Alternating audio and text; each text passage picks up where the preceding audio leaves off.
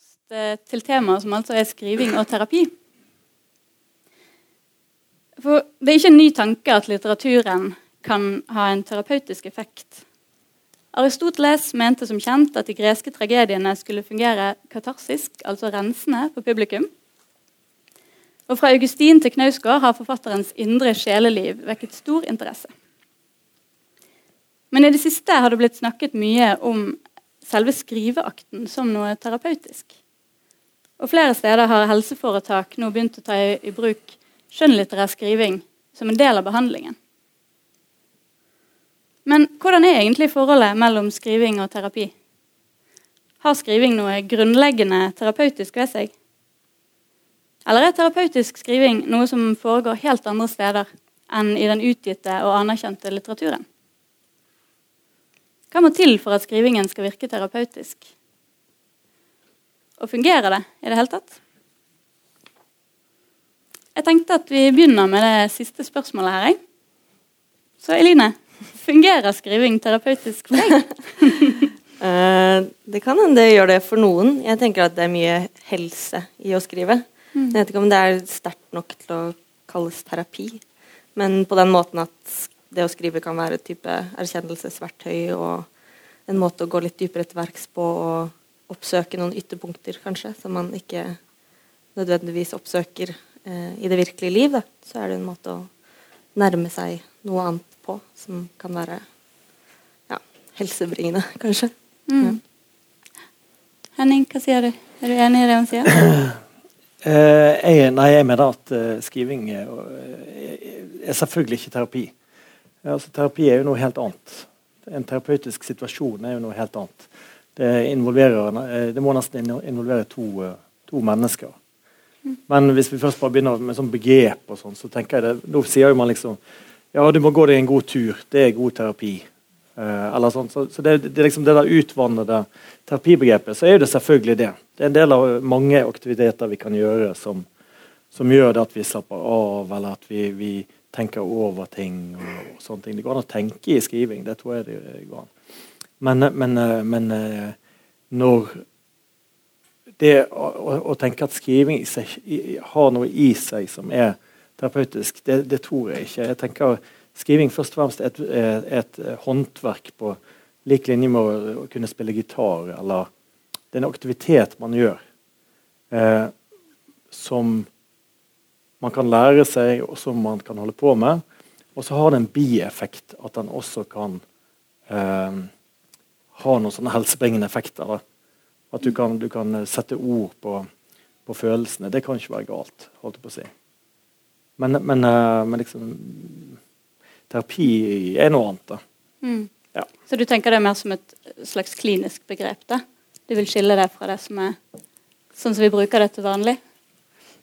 Ja, absolutt. Altså. Jeg, når, jeg, når jeg har jobbet for med den boken, her, så, så er jo det eh, sånn at eh, Kunst, kultur og psykisk helse i kommunen, da, som har gjort en fantastisk jobb med, med denne gruppen eh, i lang, lang tid. Så, så, tilbyr man eh, Ja, du kan spille i band der, du kan male der, du kan skrive der. Jeg ser ikke på, det, på de som noe vesensforskjellig. på en måte. Det, det, det, er ulike aktiviteter man kan gjøre, og, og gjennom å beherske noe bedre og bedre så får man også eh, selvtillit i forhold til seg sjøl. Og, og, og, og, ja. Så mer, mer, den type ting, tenker jeg. da. Mm. Ja. Men du sier eh, dette med at det skal være en, et møte mellom to mennesker, eller en, en dialog. da. Um, kan det skriftlige likevel gi noe som det muntlige en samtale ikke kan? Altså, Får du personlig da, noe mer ut av å sitte og skrive en dag enn å Sitte og ta en kopp kaffe med en venn, eller gå til en terapeut for den saks skyld? uh, få noe ut av, altså. Jeg vet ikke helt om jeg får noe ut av noen ting. Altså. Når alt kommer til alt. Altså, det må jo være et resultat. Jeg vet ikke helt hva du mener med å få noe ut av noe. Eh, jeg gjør jo det jeg gjør, og så, så føles, det, føles det mening, meningsfullt. da. Eh, men, men, men men jeg tror det altså, uh, når jeg begynte å skrive sjøl, så, uh, så jeg er jo en lat, latterlig munter type egentlig til vanlig.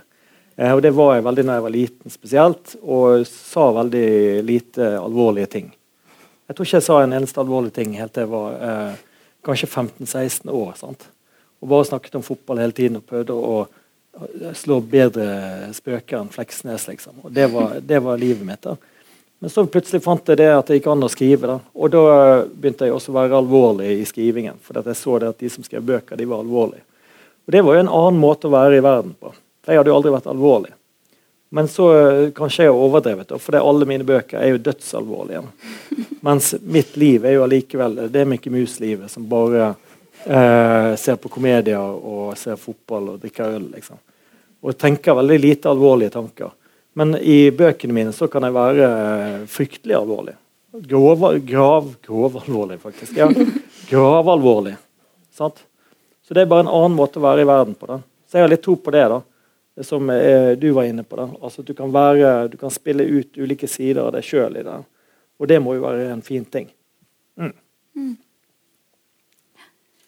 Um, så jeg tenker at um, Eller jeg lurer litt på hvor vanlig den holdningen er da, på en måte i den litterære verden. Um, fordi jeg har googlet masse på forhånd, uh, som man jo gjør.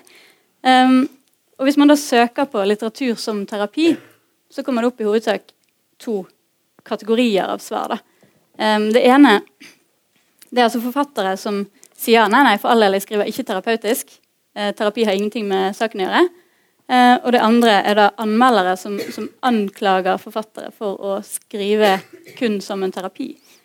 Eh, så er det vanlig da i det litterære miljøet å ha den innstillingen. Hva tenker dere om det? Jeg tror mange deler uh, Henning sin uh, oppfattelse, egentlig. Mm. Uh, og det er også, jeg tror For folk som leser og skriver mye, så tror jeg man kanskje er enig om at Det er i hvert fall mitt inntrykk. At man er mest, ser mest på lesing, kanskje, som nærmere terapi. Mm. jeg tror liksom For leseren så ligger det en sånn potensiell lykke i å bare se at noe kan beskrives så presist. Mm. Det handler veldig mye om presisjon og at man, det kan være en vag opplevelse eller en følelse som man ikke klarer å uh, artikulere sjøl. Og så ser man det der i en bok eh, så utrolig presist. Og så kan det gi en sånn følelse av gjenkjennelse og lindring, kanskje. Mm. Som er eh, veldig fin. Ja. Er det noe dere opplever sjøl når dere leser? Ja. Nei. ikke det heller. Men jeg leser bare uforståelig poesi. da. Så det er jo uforståelig. Så, men jeg kan, kan kjenne, kjenne, igjen litt av den galskapen. Da. Men, eh, men jeg, jeg, leser ikke romaner sånn, noe særlig for å forstå noe om verden. Og jeg skriver heller ikke for å fortelle noe om verden. Eh, for meg er det en sånn autonom sånn språkgreie. Og så alt det som da blir uh, I den grad det kan Jeg ser jo det etter, jeg er jo ikke dum, jeg ser jo i ettertid at ok, dette er jo en slags uh, det, Jeg er jo inne der et sted. Det kan jeg se. Men, men, når jeg holder på med det, så tenker jeg ikke på det i det hele tatt. Men jeg tror det er helt uunngåelig. For det vi må bruke oss sjøl når vi Det er fryktelig vanskelig å skrive. Det er veldig få som ikke bruker seg sjøl når de skriver. Da. Jeg tror nesten det er umulig.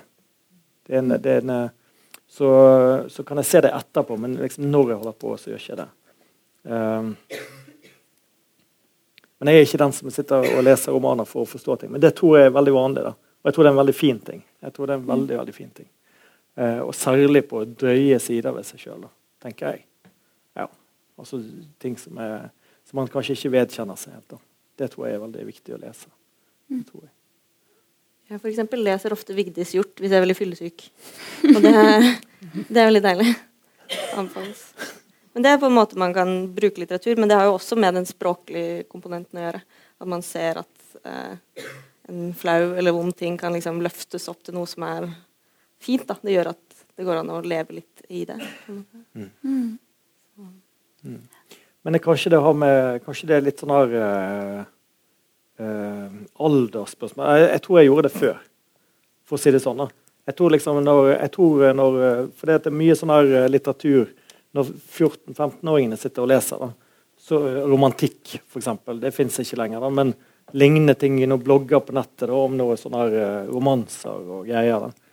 Så tror jeg det at da tror jeg man, man lærer enormt mye om seg sjøl. Sånn, Eller, eller de ser på Skam, han, eh, han eh, Skarp Homsen. sant? Så, så forstår man noe gjennom det. og det er klart at det, det gjør man. Så jeg tror I den fasen er det viktig. Også, når man blir, også ikke minst når man blir gammel og går, så tror jeg også det kommer tilbake igjen. Så skal man forstå seg sjøl. Men da eh, forstår man seg sjøl gjennom biografier. Da. De gamle vil jo bare lese biografier. De vil bare lese om ting som har skjedd. Og så vil de lese om hele livsløp, for da kan de se sitt eget liv som et livsløp, og så gir det mening på en eller annen måte. Da. Så, jeg, så jeg, jeg, tror det er ja. Jeg tror det er faser. da. Så når man er sånn som meg, som er 42, så, så tror jeg man, man, på en eller annen måte Da er man bare inne i livet, da, og så er man bare blitt den man har blitt, og gir litt faen i det. da. Egentlig hvem man er. Man er jo den man er. Og så, så stopper det opp litt, og så gjør man ting. Og så kan man bli refleksiv seinere igjen. Det tror jeg. Mm. Ja, vi får se da, Eline, når vi blir litt eldre. kanskje. Ja, jeg venter. Mm. Men eh, jeg tenker det er kanskje en forskjell på å skrive noe som man vet at andre kommer til å lese, som, som et håndverk, som du sier, da, og som profesjonell forfatter. Eh, og tenke på hele utgivelsesprosessen og de potensielle leserne som finnes der ute. Men skriver dere også andre ting? F.eks. en dagbok eller noen ting som blir liggende i skuffen og liksom aldri skal leses av noen andre? Jeg har veldig lite overflødig tekst. Jeg prøver mm. å bruke alt jeg lirer av meg på en eller annen måte. Um, men jeg har gjort det, men jeg er også for lat for å holde på med dagbokskriving over lengre tid. Uh, så Nei, men jeg tror også forskjellen da, når man skriver for, å, for utgivelse, er vel kanskje at man også samtidig Utgangspunktet er uh, også det at man er veldig interessert i språk og litteratur, selvfølgelig. Men man skal jo også prestere noe. Uh, og da forsvinner kanskje den der uh, terapikomponenten ganske fort. Mm. Da kan jeg heller oppleve det at det er utrolig slitsomt å skrive. Og prega av veldig mye sånn ambivalens. Mm. Så tanken på en leser da kan få deg til å være innstilt på noe litt annet? ja, eller ikke nødvendigvis lesere, men kritikere og mm. sånne ting. Men uh, ja, hvis man f.eks. med det prosjektet her, da, så har man jo gitt en spesifikk oppgave som skal som allerede fra starten av er merka som en terapeutisk tekst, eller som skal skrives mm. for å lette på en eller annen smerte eller noe sånt. Og det blir jo et helt annet utgangspunkt for å, for å skrive. Da. Det finnes jo ulike måter å skrive på. Eh, til ulike for formål, selvfølgelig. Mm. Um, Kanskje bare korrigere bitte litt der. Eh, det er nok ikke det som er tenkt egentlig. Da. Eh, det er nok mer altså Her har man bedt om skjønnlitterære tekster.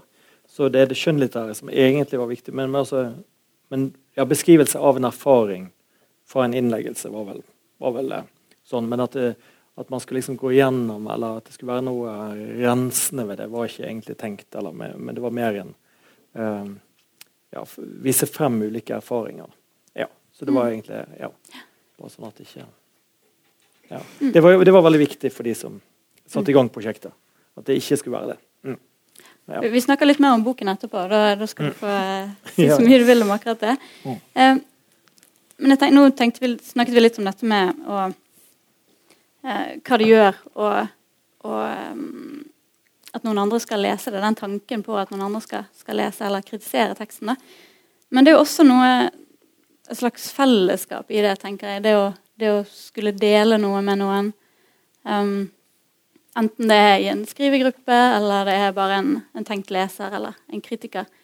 Er det noe som, som, er viktig for dere i skriveprosessen, eller er det sånn, helt sånn ensomt arbeid som bare er dere? Tenker du på prosessen nå, altså vise det frem til andre underveis? Eller tenker du på det at du vet at det en gang skal ende opp på 102 bord? Eller nattbord? det kan godt være begge deler, men nå, nå tenkte jeg også på selve prosessen. F.eks. det å være involvert i en skrivegruppe. da. Jeg vet at du har vært litt uh, mm. Du har vært i noen skrivegrupper før, har ikke du det? Ja, det er kjempeviktig for meg. Eller det, det har vært veldig viktig for meg, og, mm. jeg anbefaler det i aller høyeste grad. Hvorfor er det viktig? er det fellesskapet i det? nei, det er håndverk igjen. Ja. Det, det, er bare det å møtes og spille gitar, på en måte. Ja. Mm. Det er en veldig, veldig fin ting å vise. Og jeg, jeg, kan det der. Kan du, kan du gjøre sånn? Mm. Kan du prøve det? Det er, det er, på det nivået. da. Men, men, det er veldig viktig. Da. Bare rent, rent teknisk. Også, også, bare det å møte selvfølgelig folk som holder på med det samme og brenner for det samme. det er veldig viktig. da. Bare, mm. bare folka, liksom. Ja. ja. for jeg tenker Det kan jo være ganske ensomt, kan det ikke det? Å sitte alene med sine egne tekster. Og... Det er jo det beste ved det. Jeg tror liksom man må ha en slags kjærlighet til å være alene hvis man skal ha et sånt type yrke. da. Mm. Um, jeg foretrekker å, å, skrive for meg selv, og så forholder jeg meg til min redaktør, som jeg har jevnlig kontakt med i, i, prosessen. Men jeg har aldri hatt noe ønske om å gå på skriveskole eller sånne type ting. Fordi mm. bare tanken på å skulle få jevnlig tilbakemelding fra både her og der, det gjør meg utrolig engstelig. Um, så det er noe med det som jeg syns er så fint, at man kan ha det for seg sjøl. Mm. mm. Så skrivegruppa, det er ikke noe for deg? Nei. Nei. Men mm. hva skjer hvis dere ikke får skrive? Hva skjer med dere da? Er det, er det en veldig negativ opplevelse? Hvis dere ikke, enten ikke får det til, eller bare ikke får, får tiden til det i denne hverdagen? Ja. det er veldig irriterende og kjipt, selvfølgelig. Hvis det er skriving man har seg, satt seg til å gjøre, så er det veldig kjipt når man ikke får den ene tingen til. Mm. Uh, men det har nok kanskje mer med sånn type forventninger til egen produktivitet og hva man ønsker å oppnå, snarere enn uh, et behov for å skrive. Altså et følelsesmessig behov for å skrive. Det tror jeg faktisk ikke at jeg har. Jeg tror det er mange som sier sånn Hvis jeg ikke kunne ha skrevet, så hadde jeg dødd. Liksom. Jeg tror jeg kunne ha levd et veldig fint liv uten å skrive, faktisk. Så det er ikke på liv og død. Jeg liker ikke å skrive i det hele tatt. Eller jeg har aldri likt å skrive. Det det aldri, jeg gjør alt jeg kan jeg, for å unngå å, å, skrive. Og har masse metoder for å unngå det. Og, og, så jeg bare må gjøre det innimellom. Uh, men, det, men det er sånn som jeg kan si veldig sånn uh, kjekt. Da, men jeg merker også det hvis det går f.eks. åtte-ni-ti måneder da, siden siste, at jeg bare holdt på med alt mulig annet og drukket i et halvt år. Da merker jeg det at, at, eh, at det etter, da er det likevel noe da, som Men jeg er ikke sikker på om det har med prestasjon eller hva jeg vil med livet mitt å gjøre. Eller om det har med sånn helt reelt uttrykksbehov. Men jeg tror kanskje faktisk det er det siste. Altså. Altså at, noe, at, jeg har lyst til å lage en setning eller to. Det kommer snikende. da. Og så går det fort over. Da. Men, men, det, men det, kom, det, er jo der likevel en liten uh, stund. Det er det. Mm. Mm. Ja, for du har jo valgt dette yrket. Det må jo være noe som gjør at du jo, men Det er masse fint med dette yrket som ja. ikke er skriving. Så det, må det må bare Det er litteraturfestivalene som lukker? Ja, for eksempel. Ja. Mm. ja. Noe må man gjøre, da. Mm. Um, Elina, jeg tenkte på i den siste boken din 'Klokken og sengen', så skriver du om en ung jente som isolerer seg i en leilighet, um, og som virker å ha noen psykiske vanskeligheter. Uh, blant annet så tenker jeg da at hun viser tegn på spiseforstyrrelser, eller sånn har jeg lest det. Um, hvordan var det å skrive om en karakter med, med psykiske vanskeligheter? Altså, var du bevisst på det mens du skrev det, at det var det du holdt på med? Altså, den boka var på en måte et resultat av at jeg ikke hadde noen ting å skrive om. Uh, men så ble jeg mer fascinert av den tematikken etter hvert, eller kanskje særlig etter boka kom ut, når jeg ble nødt til å snakke om det. Men uh, det, var noe, det var ikke noe gøy bok å skrive. Uh, det var ganske utmattende fordi det er på mange måter var i den samme situasjonen jeg befant, i meg, befant meg sjøl, på en eller annen måte. Mm. Så er det litt sånn 13., og den er jo mørk. Og så det var hver morgen som jeg våknet opp og kom på at det er dette jeg skal gjøre. Så var det litt sånn Det ødela, ødela dagen, egentlig. Mm. Men eh, så løsner det jo, og man Det er jo da den mestringsfølelsen kommer inn, når man føler at det åpner seg, og man ser hvor man eventuelt vil med det. Mm. Mm. Um, når du skriver en bok som, som handler om psykiske vansker, blant annet, da, det er jo mye annet der også. Men uh, så tenker jeg at i våre dager så er vi jo uh, veldig opptatt av liksom, forfatterpersonligheten. Uh, så det er jo alltid en fare der for at folk leser det som en sånn slags direkte uttrykk for, for kunstnerens syke. Mm. Er du, plager det deg hvis folk leser det på den måten?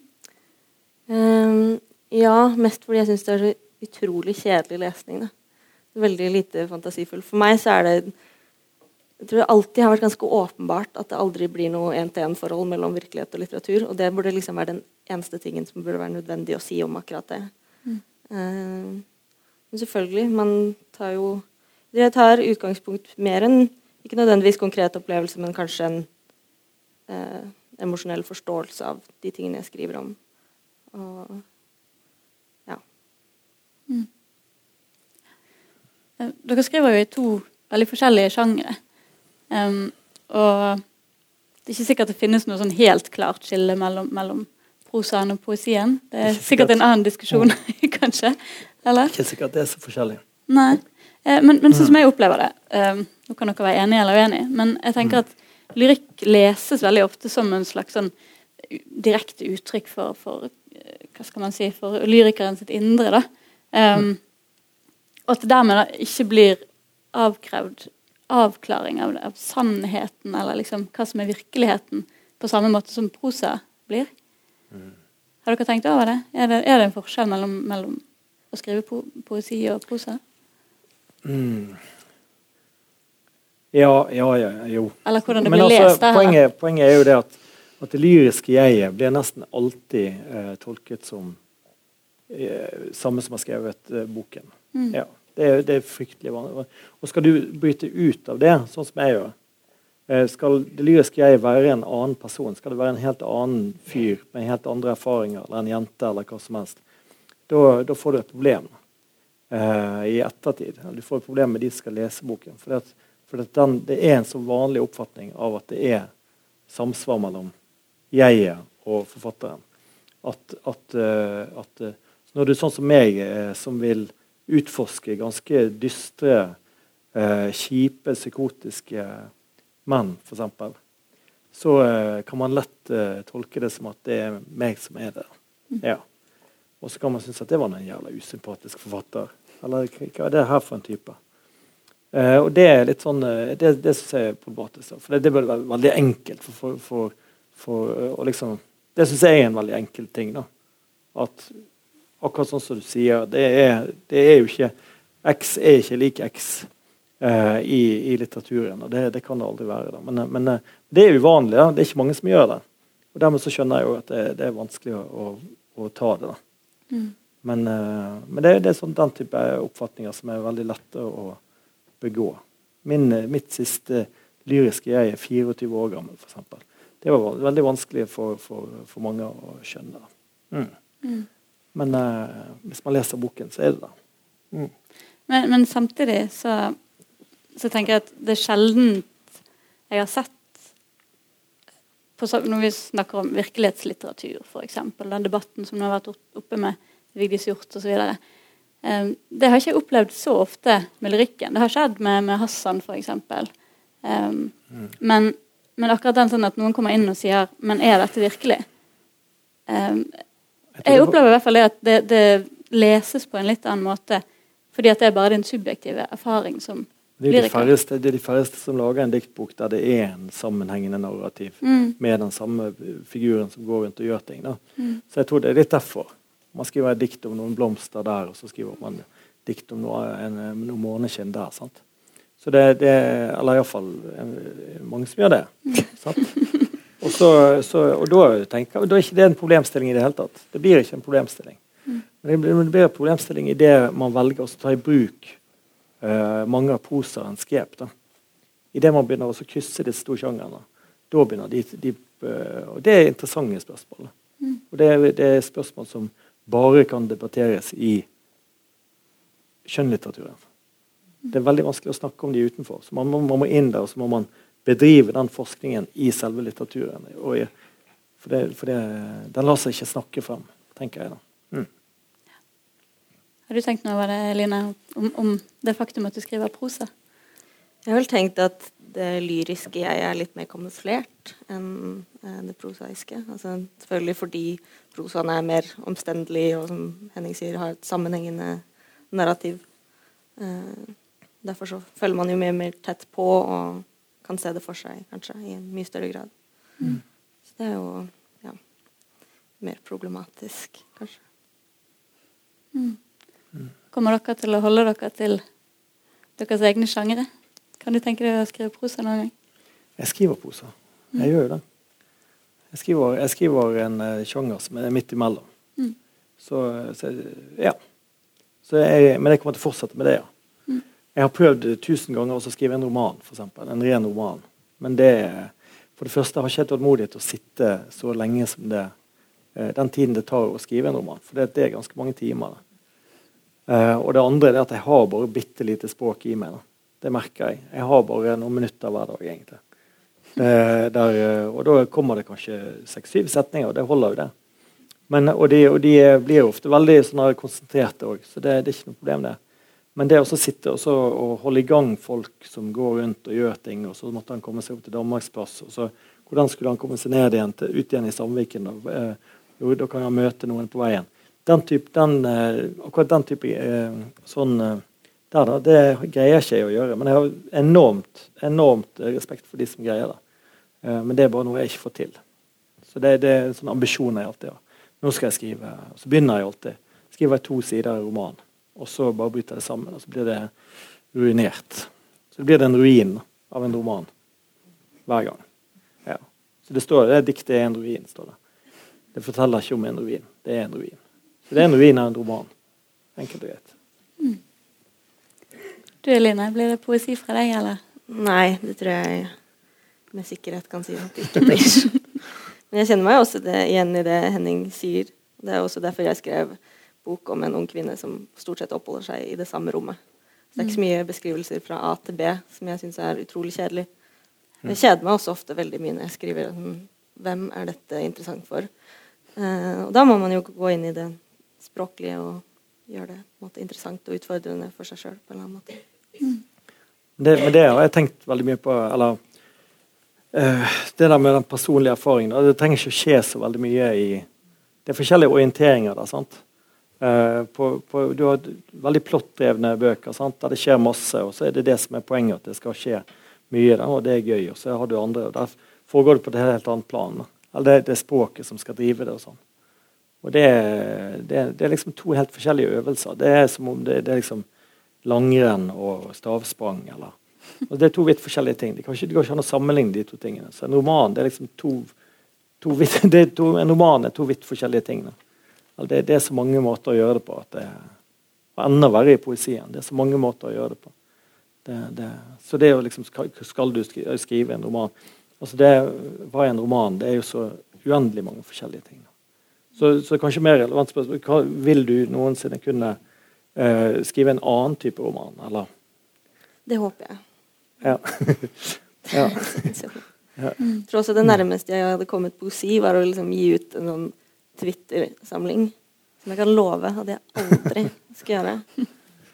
Men uh, selvfølgelig. Jeg er jo oppvokst med internett og tenker jo stort sett til liksom under 140 tegn om gangen. Så kjenner meg igjen i det. Mm. Jeg tenkte vi skulle snakke litt om uh, den boken her. Mm. Det er altså 'Stemmer fra Sandviken', heter den. Uh, og den, som jeg sa i innledningen, så har du vært redaktør for den, Henning. Mm. Hva er det for en bok, dette?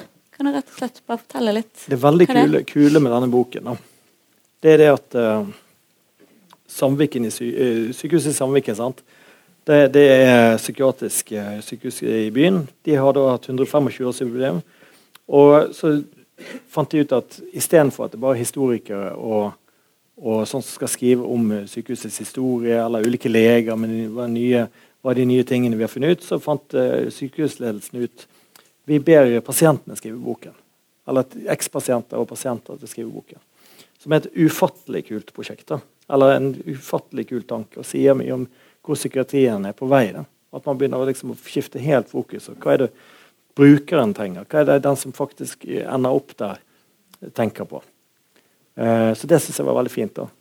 Og så har jeg vært veldig mye i kontakt med den fantastiske avdelingen kunst, kultur, psykisk helse i kommunen, da, som driver med sånne kreative kurs for uh, å gi ut det der tidsskriftet Kraftverk. Som er et tidsskrift som har fått eh, nesten 60 nummer da, med skjønnlitterære tekster fra, fra folk med en fot innenfor psykiatrien på en eller annen måte. Uh, som jeg har sittet i redaksjonen på i mange år, og så har jeg hatt mye kurs med folk som har hatt psykiske problemer. og sånn. Og jeg syns det, er en, eh, det er en veldig enormt meningsfylt jobb å ha. Uh, men her har jeg bare vært Det eneste jeg har gjort her, det er å være litterært faglig redaktør.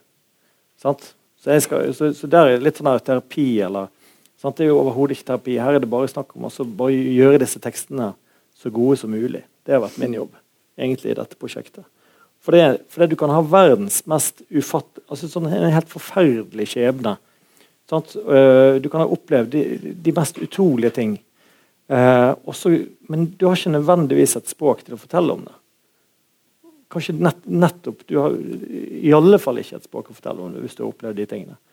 Så det er jo sånn her, mens Noen som har hatt et helt fett liv, sånn som jeg egentlig har hatt stort sett, jeg kan skrive en bok som handler om noen som går og henter en eh, pakke salami i kjøleskapet og går tilbake igjen. Og det kan bli ganske bra. da.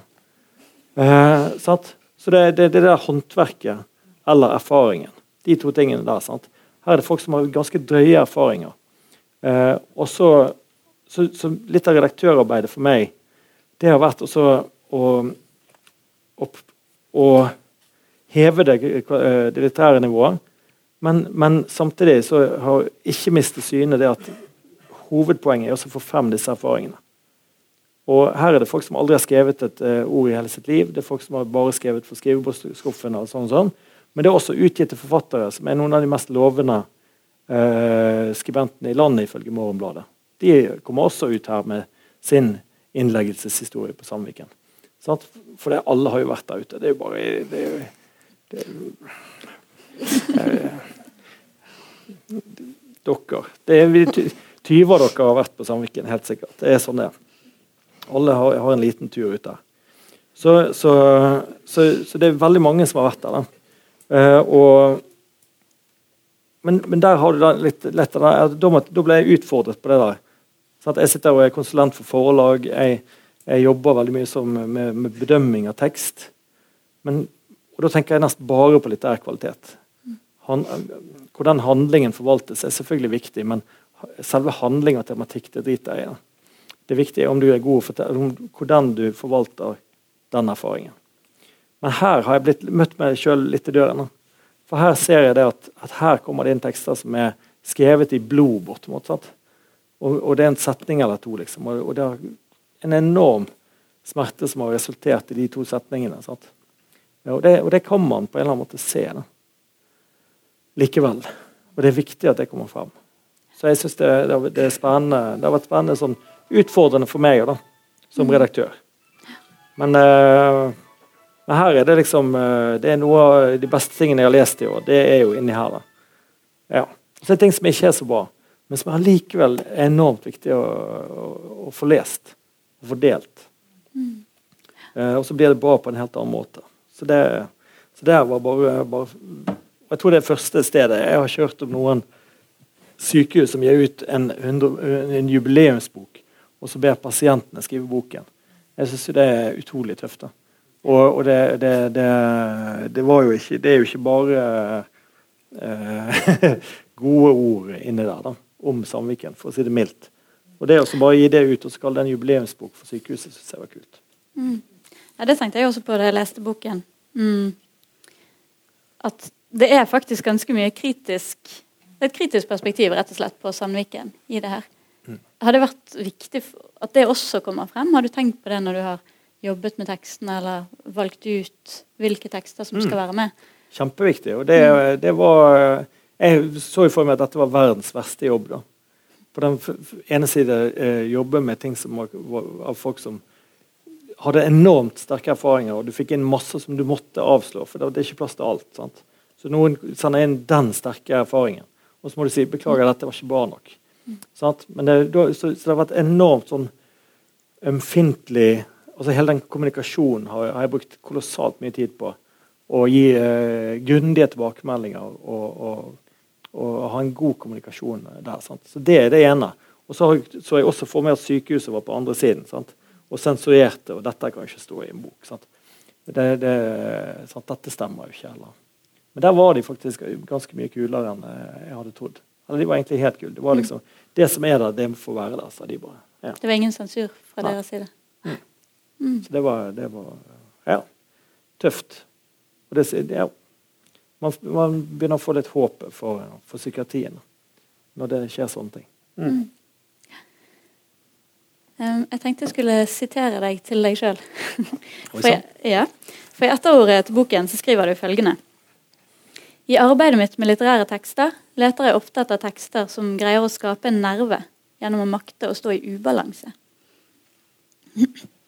Å skrive fra et usikkert ståsted. Det handler ofte om å være spørrende og usikker, og ikke om å vite. For mange skribenter med bakgrunn i psykiatrien er utgangspunktet paradoksalt ofte et annet. Mm. Eh, det syns jeg var interessant. Kan du si litt om det?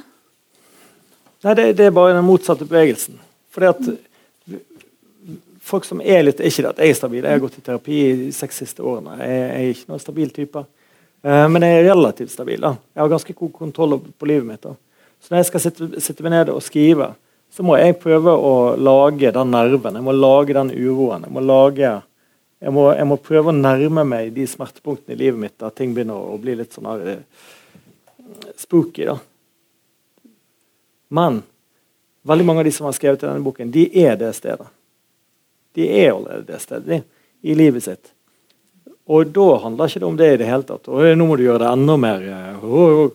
Sånn da, da, handler det om å samle. Da handler det om å, å, å, få orden på ting. Så Veldig ofte så får du inn sånne tekster som at før tenkte jeg sånn og sånn, men nå har jeg skjønt at sånn og sånn. Og det er ikke nødvendigvis veldig spennende tekster litterært. sant? For Da har, sånn, da har, du en forfatter som liksom vet noe hele tiden, og, og står veldig støtt i det.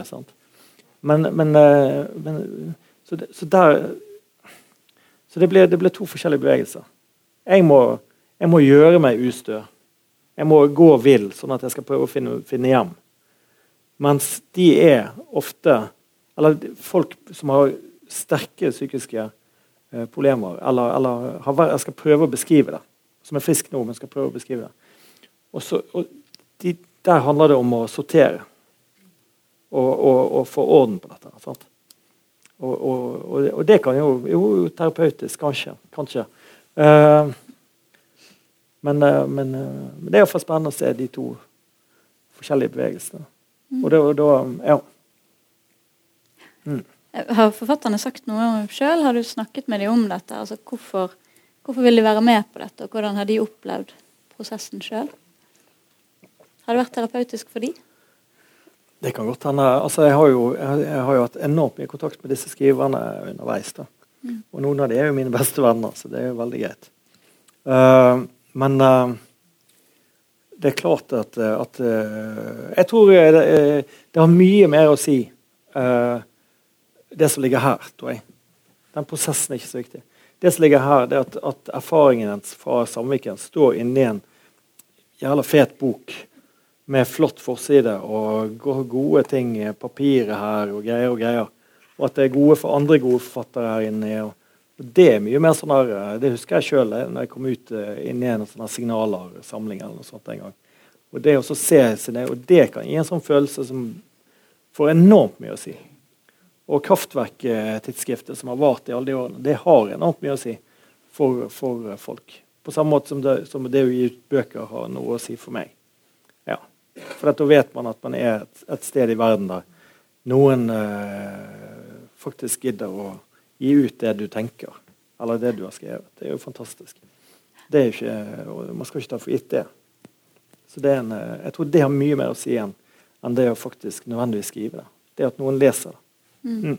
Det er en form for anerkjennelse av, av deres opplevelser, da? Ja. Mm. ja. Mm. mm. Med tanke på det så lurer jeg på om du snakker om disse opplevelsene som er så viktige både for de og kanskje viktig for oss andre å lese også. Um, er det sånn at vi står i fare for å overse den type opplevelser når vi fokuserer på språket, som du sa i sted, um, fokuserer på det litterære ved litteraturen, mm. at det finnes mye der som vi kanskje ikke helt tar på alvor, eller ikke, som vi overser litt? da.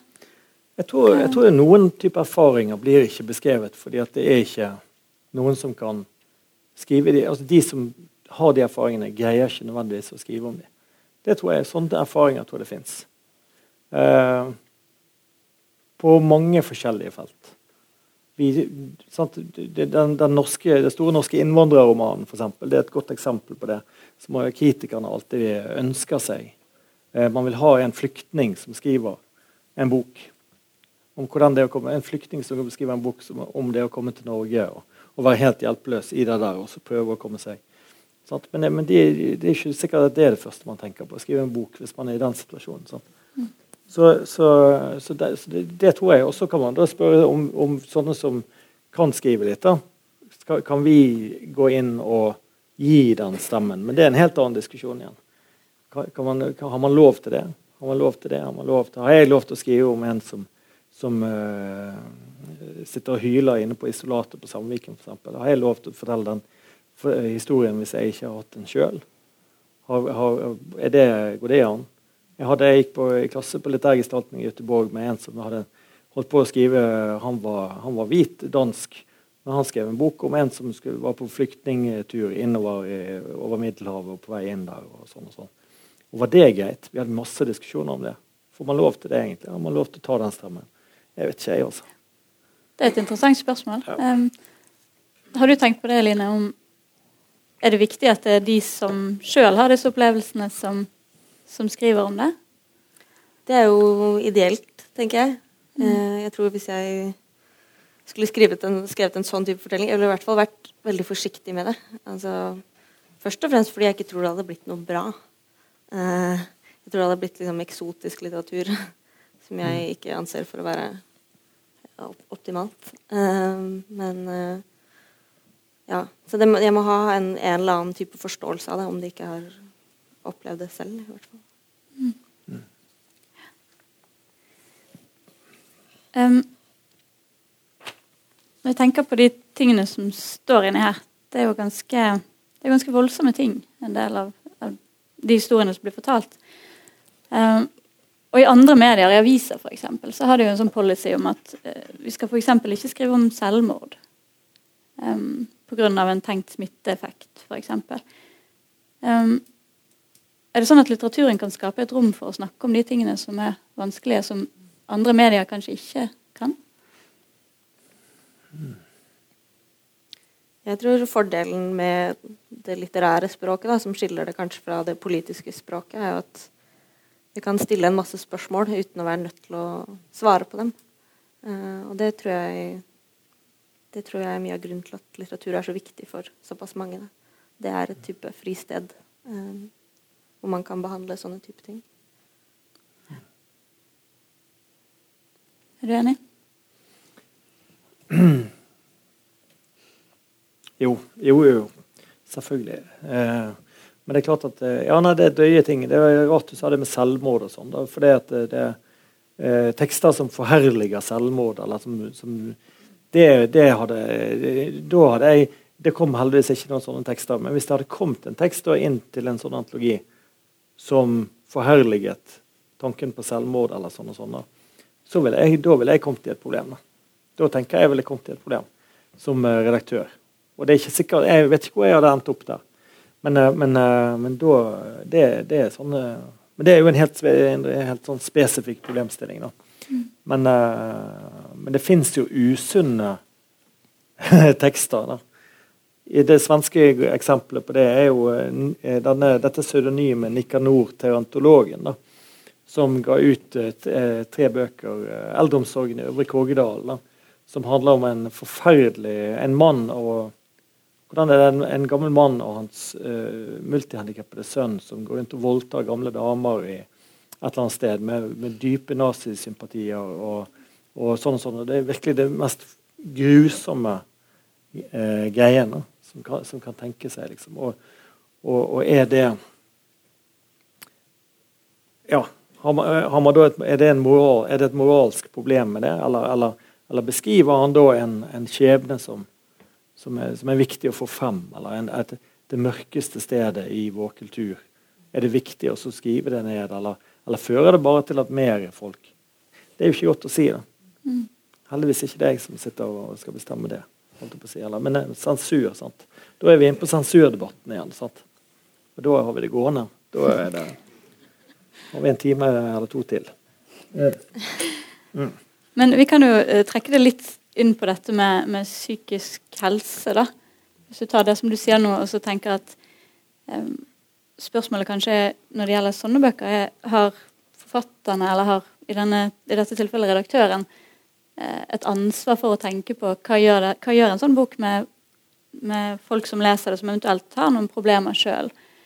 Har du tenkt på det i i den jobben som du har gjort? Nei, det har ikke vært noe problem med det. For uh, alt dette er bare Jeg anbefaler alle å plukke opp denne boken. Jeg vet ikke hvor mye koster den der, Arne. Eh, 200 spenn.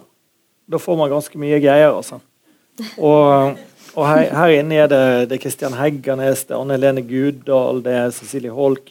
Det, det er ganske uh, solid, solid forfatterlag på toppen her. og i tillegg så har du, har du bare helt utrolige ting eh, innimellom. Så jeg ville absolutt bare anbefalt å plukke den opp. da. Fordi at, eh, fordi at du, får, du, får, noe der som jeg aldri noen har sett før. da. Rett og slett. Det er jo ikke laget noen sånn bok før eh, på den måten der. Så, så det kan være nyttig. Men, så jeg har bare tenkt at det er bra. da. At folk leser det og får, de, får et innsyn i de erfaringene. da. Det tror jeg vi alle trenger. Og, og, som sagt, dette gjelder jo Alle er jo et eller annet sted på denne skalaen. Altså, alle sliter jo på et eller annet. Men, eh, men, eh, men sant, å bli lagt inn Det er så mange forskjellige måter å bli lagt inn på. Da.